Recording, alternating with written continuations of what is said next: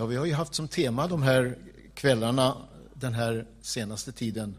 Vi har talat om Jesus. Det gör vi ju kanske alltid i den här kyrkan. Men alldeles speciellt nu på onsdagskvällarna. Jag, jag tror att vi delar den längtan och vi har nog tänkt det många gånger. Tänk om jag kunde bli mer lik Jesus. Tänka som han, göra som han, agera som han. Och så slår vi bort den där tanken och tänker att det, det är en utopi, det, det går liksom inte.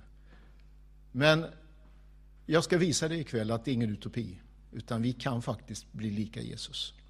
Och jag vill läsa en bibelvers först ifrån första Korinthierbrevet, det trettonde kapitlet. Det är det vi brukar kalla för kärlekens kapitel, kärlekens lov. Så det handlar ju om Jesus naturligtvis. Om du läser här så kan du se hans egenskaper. Men så står det så här i vers 13, 12. Nu ser vi en gåtfull spegelbild, men då ska vi se ansikte mot ansikte. Nu förstår jag endast till en del, men då ska jag känna fullkomligt, liksom jag själv har blivit fullkomligt känd. Jag vet inte om du har varit med om det, det tror jag. Att någon har sagt till dig, eh, du, har, har du tittat i spegeln?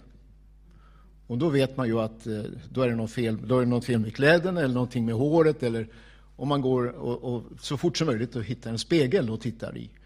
För att få se den rätta bilden. För man, jag har inte den. Jag behöver spegla mig för att få den rätta bilden. Och eh, eh, när jag var ung, det var länge sedan nu jag gick på Gröna Lund, men det hände faktiskt i min ungdom. Och då fanns det något där som hette Lustiga huset. Skratt. Spegelhuset, eller jag tror det hette Lustiga huset. Och när man gick in i det lustiga huset så var det egentligen bara en massa speglar. Och det var, det var lustigt då, för de förvrängde ju. I någon spegel blev man jättestor, i någon blev man liten och allt förvreds. Och det var ju speglar, men den speglar ju inte verkligheten, utan det var ju alldeles tokigt. Så det gäller ju att man väljer sina speglar.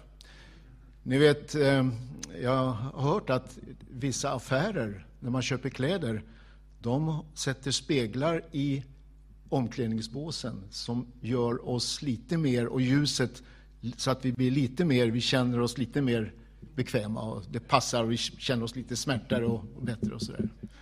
Man luras lite. Speglar kan göra det. Jag läste någonstans en undersökning att man gjorde en undersökning i England på en speciell stad, om det var Birmingham tror jag. Eh, och där upptäckte man att kvinnorna i den stan, i den undersökningen, tittar sig själv i spegeln 34 gånger per dag, per dygn. 34 gånger. Det innebär alltså eh, cirka en gång i halvtimmen vaken tid. Och männen var inte så mycket sämre, 27 gånger. Så det var nästan lika mycket. Och det är ju, det är ju så, vi, vi gärna går förbi en spegel så tittar vi. Och du har säkert många speglar hemma, tre, fyra minst. I badrummet, i hallen, i sovrummet kanske och lite, lite överallt. Eh, mina, när mina döttrar bodde hemma så satt en liten, en liten lapp på spegeln i badrummet. Där stod Du är vacker, stod det. Liten, längst upp. Man kom upp på morgonen, nyvaken och glåmig och så tittar man och så såg man du är vacker. Jaha. Den första spegeln som man använde, det var ju eh, man tittade ner på en vattenyta, en vattenpöl eller en sjö, och så såg man sitt eget ansikte. Sen, som det var på Bibelns tid, så använde man en metall, koppar eller en annan metall som man hamrade ut och så putsade man det där så att det var glänsande. Och så kunde man titta och se sig själv, men ju inte speciellt bra. Gåtfullt, som vi läste här, som i en spegelbild. Nu har vi ju bra speglar. Det är ju glas och sen är det silvernitrat. Och det gör att det är ju obarmhärtigt när vi tittar oss i spegeln. Vi ser exakt hur vi ser ut. Och det är bra. Men då kan man fundera på att spegla det yttre är ju viktigt. Men hur kan jag spegla min inre värld? Hur kan jag spegla min personlighet, min själ, min ande? Ja, man kan ju spegla det som finns inne i oss. Röntgen är ju på något sätt en inre spegel. Man kan se liksom kroppens, hur vi ser ut invändigt. Men hur speglar jag min, hur, hur vet jag egentligen hur min personlighet ser ut? Och hur min ande ser ut? Hur speglar jag det? Vad får den spegelbilden? Var möter jag mig själv? Ja, du vet, vi, det, vi gör ju det. Vi, om man får se upp lite grann, för att tala om att alla speglar är inte ärliga och uppriktiga. Eh, det finns ju eh, en möjlighet att vi ofta kan spegla oss i våra egna drömmar, våra egna föreställningar. Och det är väldigt vanskligt. Bibeln varnar oss faktiskt och säger att ni kan bedra er själva. Att, att lura sig själv. Och det är ofta när man, man speglar sig i de egna drömmarna och tankarna. Och speglar vi oss i andra människor, det gör vi ju. Och försöker möta oss själva på det sättet, så är det också vanskligt. För att du kan möta en människa och du känner dig nedslagen, för du tänker, där kan jag, så där kan jag aldrig bli. Eller kanske i viss mån tvärtom. Eller vi, vi speglar oss i omständigheterna. Vi speglar oss i det vi ser på TV, det vi läser i tidningar, det som finns på Facebook. Och allt det där ger en spegelbild av oss. Och det där är också väldigt vanskligt. Ger ofta en felaktig, förvrängd bild. Om inte en skrattspegel så kan det bli någonting helt annat som förvränger bilden av oss. Så var kan jag spegla min personlighet? Var kan jag se hur det står till med min ande? Ska vi läsa ett bibelord till ifrån Jakobs brev, det första kapitlet.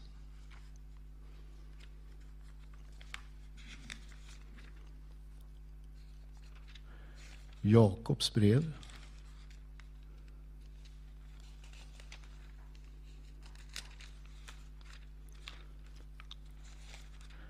Tunna blad i Bibeln här som man måste...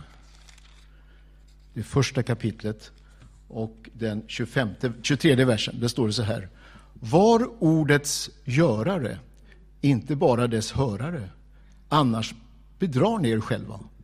Om någon är ordets hörare men inte dess görare liknar han en man som ser sitt ansikte i en spegel.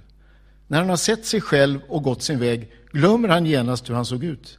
Den som däremot blickar in i frihetens fullkomliga lag och blir kvar i den inte som en glömsk hörare, utan som en verklig görare. Han blir salig i det han gör. Här har vi något på spåren. Att se in i Guds ord. Där har du den verkliga spegeln, där du kan spegla din personlighet, din inre värld. Du vet, när man speglar sig i Guds ord, då upptäcker man sig själv som man verkligen är.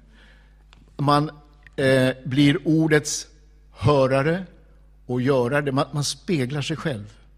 Guds ord är faktiskt en rättvisande spegel. Och därför vill jag ställa frågan till oss idag. Vågar vi spegla oss i Guds ord? Utan att glömma hur vi ser ut, utan att låta det få utmana oss och förändra oss. Och det är här jag tror eh, vi kommer nära detta att kunna bli lik Jesus. För när vi ser in i Guds ord så ser vi oss själva, det är sant. Men framförallt ser vi ju Jesu ansikte. Och vi ser Guds ansikte. Och det är när vi möter den kontrasten som vi kan spegla oss själva och uppleva att vi förvandlas. David uttrycker det så här i en av sina salmer. Vi har ju hört en av hans salmer tidigare. Han säger så här. Eh, Herre, du utransakar mig och känner mig. Var jag går eller ligger så vet du det. Du vet om, du känner mina ord förrän ett ord är på min tunga. Ja, till och med att du förstår mina tankar fjärran ifrån. Det vill säga, David upplevde, jag, jag kan verkligen vara känd av Gud. Jag kan spegla mig i honom. Eh, och en del upplever det väldigt otäckt. Tänk att man liksom upp, Gud vet allt om mig, Gud ser mig, till och med mina tankar. Men han avslutar samma psalm 139 med en bön. Han säger Herre, utransaka mig och känn mig och se till om jag är stad på en olycksväg och led mig på den eviga vägen. Så vetskapen om, när han speglar sig i Guds ansikte, så formades en bön. Herre, avslöja hur läget är. Se till om jag är stad på en olycksväg. Led mig på den rätta vägen. Jag föreställer mig att när församlingarna, eh, som vi, de här sju församlingarna i Uppenbarelseboken, när de fick breven ifrån Jesus, du kan ju läsa dem, kapitel 2 och 3 i Uppenbarelseboken, så var det ju som en enda stor spegel som sattes upp. Och församlingen såg sig själv precis som den var. En av församlingarna, de sa, så här är det med mig, jag tror att det är på det här sättet. Men när de tittade sig i spegeln såg de, det var precis tvärtom. Därför är det så otroligt nyttigt och viktigt och nödvändigt att vi speglar oss i Guds ord. För Guds ord är, som vi läste här, frihetens lag, en perfekt lag. Den dömer oss inte, utan den sätter oss fria. Den förvandlar våra liv och den gör att vi blir mer och mer lika Jesus. Så att se in i Guds ord, det är att se in i Jesu ansikte. Det är att se in i Guds ansikte. Och när vi gör det så händer någonting med våra liv. Dubbelexponering finns det något som heter. När man ser två bilder liksom i samma. Det är exakt det som sker när du läser Guds ord, när du speglar det i Guds ord. Vi läste ju här, det vi ser som en gåtfull spegelbild. Eh, men en dag ska jag se ansikte mot ansikte. Att se in i Guds ord, det är att se något av Guds ansikte, något av Jesu ansikte. Ännu så är det gåtfullt, men en dag ska vi bli fullkomligt kända, se honom som han är. Får jag läsa ett bibelord till? Ifrån andra Korinthierbrevet, det tredje kapitlet, den artonde versen. Det står så här. Herren är anden, och där Herrens ande är, där är frihet. Och alla vi, och lyssna nu för det här är jätteviktigt, alla vi som i obeslöjat ansikte ser Herrens härlighet som i en spegel, vi förvandlas till en och samma bild, från härlighet till härlighet. Det sker genom Herren, Anden. Jag läser om det här, för det är så jätteviktigt. Vi som, alla vi som med obeslöjat ansikte ser Herrens härlighet som i en spegel. Vi förvandlas till en och samma bild, från härlighet till härlighet. Och det sker genom Herren, Anden. Förstår du? När vi ser i den här spegeln som är Guds ord, då ser vi en dubbel exponering. Vi ser oss själva, men vi ser framför allt Herren och Herrens härlighet. Och här sker det någonting. Vi förvandlas, läste vi här, genom den helige Ande. Och det här, det här fantastiska sker, att vi blir mer och mer lika Jesus. Du vet, att förvandlas, det är inte att mobilisera alla eventuella moraliska krafter vi har. Och det är inte att säga, nu ska jag skärpa mig minsann och nu ska jag förändra. Det är inte att spänna de religiösa musklerna eller kraftanstränga våra etiska resurser. Det har liksom inte med det att göra. Utan det är att säga ja till Guds ande och att spegla sig i Guds ord. Och när vi gör det så sker det en förändring i våra liv. Vi förvandlas, som vi läste här, från härlighet till härlighet. Vi talar, det talas mycket idag om att man ska självförverkliga sig. Vi måste förverkliga oss själva. Den verkliga, autentiska självförverkandet, det är när du förvandlas till Jesu avbild. När du speglar dig i Guds ord och när han får förvandla dig och förädla din personlighet. Du blir inte en annan människa, du blir dig själv mer och mer. Det Gud har tänkt för ditt liv kommer att förverkligas. Avsikten med ditt liv och med mitt liv förverkligas när vi förvandlas och det som inte är till nytta försvinner och att vi kan bli mer och mer lika Jesus. Så de här två bilderna i dubbelexponeringen kommer närmare och närmare varandra och till slut går samman. Eh, det finns eh, en process eh, när man förädlar metall. Du vet hur det går till.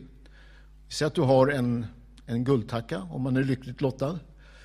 Eh, det är ju en ädelmetall, men ofta innehåller den sånt som eh, Metallen är ädel, men innehåller slangprodukter och orenhet. Och för att det ska bli rent, hur gör man? Eh, jo, det finns ett bra sätt och det är att man hettar upp produkten. Du värmer guldet till det blir flytande och då märker man att det här orena, det, det, liksom, det flyter upp till ytan. Och man kan ta bort det. Och den där processen behöver oftast göras flera gånger för att metallen ska bli riktigt ren. Det är precis det som sker när du läser Guds ord. När du speglar dig i Guds ord och du läser och du ser Jesus och du ser dig själv och du säger Gud, gör mig lik Jesus. I, den där, i det där så process, sker det en process i ditt andliga liv. Och, och orenhet och egoism och girighet och allt sånt där som vi kan brottas med, det, liksom, det flyter upp och med Andens hjälp så kan vi få bli rena ifrån det där och vår personlighet renas så att vi kan få bli det som Gud egentligen har tänkt med våra liv innan synden kom in. Eller den bilden Jesus tog, ett vinträd som beskärs. Och man beskär ju ett vinträd för att det ska få bära mer frukt, bli det som det egentligen var tänkt till. Eh, jag bodde ju förut så att jag hade ett äppelträd på tomten och jag tyckte det var väldigt kul alltså i, i, i vårtid, att vara ute och beskära äppelträdet. Inte för att jag kan det speciellt bra, men jag, jag lärde mig av de som var duktiga. Men att, att klippa bort de där skotten som jag visste, det här bara liksom stjäl massa energi och kraft ifrån trädet, det kommer aldrig ge någon frukt. Men att få klippa bort det där, och det var ganska mycket. Så visst vet jag att sen kan trädet fylla sin uppgift och bära frukt. Det är precis det som sker när vi läser Guds ord, när vi speglar oss i Guds ord. Så händer någonting inne i oss. Den helige Ande är där och, och beskär. Och ibland vet vi inte riktigt hur det där sker, men någonting händer och vi förvandlas till Herrens avbild. Romarbrevet eh, säger Paulus så här att vi ska frambära våra kroppar till ett heligt och levande offer. Så står det, förvandlas genom ert sinnes förnyelse så att ni förstår vad som är Guds vilja, vad som är gott, välbehagligt och fullkomligt. Hur kan jag förstå vad som är gott och välbehagligt och fullkomligt? Hur ska jag kunna förstå? Hur ska jag kunna bli sån?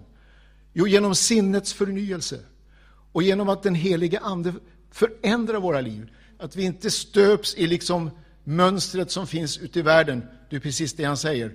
Anpassa er inte efter den här tidsåldern och det här väsendet som ni har runt omkring er, utan låt er förvandlas genom ert sinnes förnyelse. Ja, men är det så enkelt att bli lik Jesus? Är det verkligen så enkelt som att jag bara ska läsa Bibeln? Ja, vad jag förstår så är det det. Jag vill säga, det är inte att läsa Bibeln och lite mekaniskt och säga okej, okay, nu har jag läst ett kapitel, bra, då prickar jag av det så gör jag något annat som jag ska göra idag.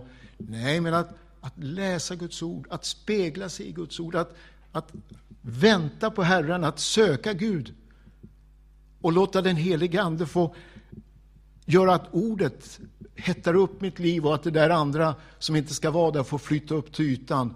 Och när jag lägger igen Bibeln så känner jag ett litet steg i rätt riktning, mer lik Jesus. Kan det verkligen vara så? Jag tror att det är så. I Andra Timoteusbrevet så skriver Paulus så här. Hela skriften är utandad av Gud och nyttig. Den är nyttig till undervisning, tillrättavisning, upprättelse och fostran i rättfärdighet så att, lyssna, gudsmänniskan blir fullt färdig, väl rustad för varje god gärning. Ja, men då är vi ju där. Då är vi ju där vid Jesus. Då, då blir vi ju mer och mer lika honom. Hela skriften är utandad av Gud. Och det är så viktigt att säga, inte minst i vår tid, när till och med i kristna kretsar så tycker man ibland att ja, Bibeln det är liksom utgångspunkt för diskussion. Eh, och, och, där kan man diskutera och, och där kan man se lite olika på. Skriften är given av Gud, utandad av Gud. Och hela skriften är nyttig till vår fostran så att vi som gudsmänniskor, det där är ett intressant uttryck, gudsmänniska. Det står om Jesus att han var människosonen och vi, står det här, kan vara gudsmänniskor. Den här kombinationen att vara människa men ändå ha något av Gud, eller hur? Fullt färdig, väl skickad, rustad för varje god gärning. Så, Guds ord är levande, kraftigt, tränger in och förvandlar våra liv. Ja, men är det så enkelt? Ja, så enkelt är det på ett sätt. Ändå är det inte enkelt, utan det är ju att säga ja till den helige Ande och ge honom klartecken att den här processen får ske i våra liv. Ja, men eh, Andens manifestationer är viktiga. Ja, men du vet, Bibeln, det är Andens allra viktigaste manifestation. Andens allra största produkt, det är Bibeln, Guds ord. Det här är given av den helige Ande och här kan vi lita på att det är sant och att det är äkta. Så tänk att eh, vi läser Guds ord, vi speglar oss, vi ser oss själva och vi utmanas när vi ser Jesus och ser Guds ansikte. Och så händer någonting i våra liv och dubbelexponeringen går mer och mer emot varandra. Och med Guds hjälp, en dag ska vi se ansikte mot ansikte. Då är det färdigt. Då blir vi det Gud har tänkt fullt ut. Tänk att få bli en spegel också för andra människor. Att andra människor kan få spegla sig i ditt liv. Jag tänkte häromdagen på en berättelse som jag läste i min ungdom. En pastor i, eller, ja, en pastor i Rumänien som hette Richard Wurmbrand. Han skrev en bok som hette På Stalins tid. Och där berättade han hur det var i Rumänien under den eh, hårda och stränga kommunistiska regimen. Där berättade han om en, en präst som satt i ett av fängelserna i Rumänien. Han var där därför att han, han var präst, pastor, han hade predikat Guds ord, han var ingen brottsling. Och han försökte berätta för sina medfångar om Jesus, vittna om Jesus.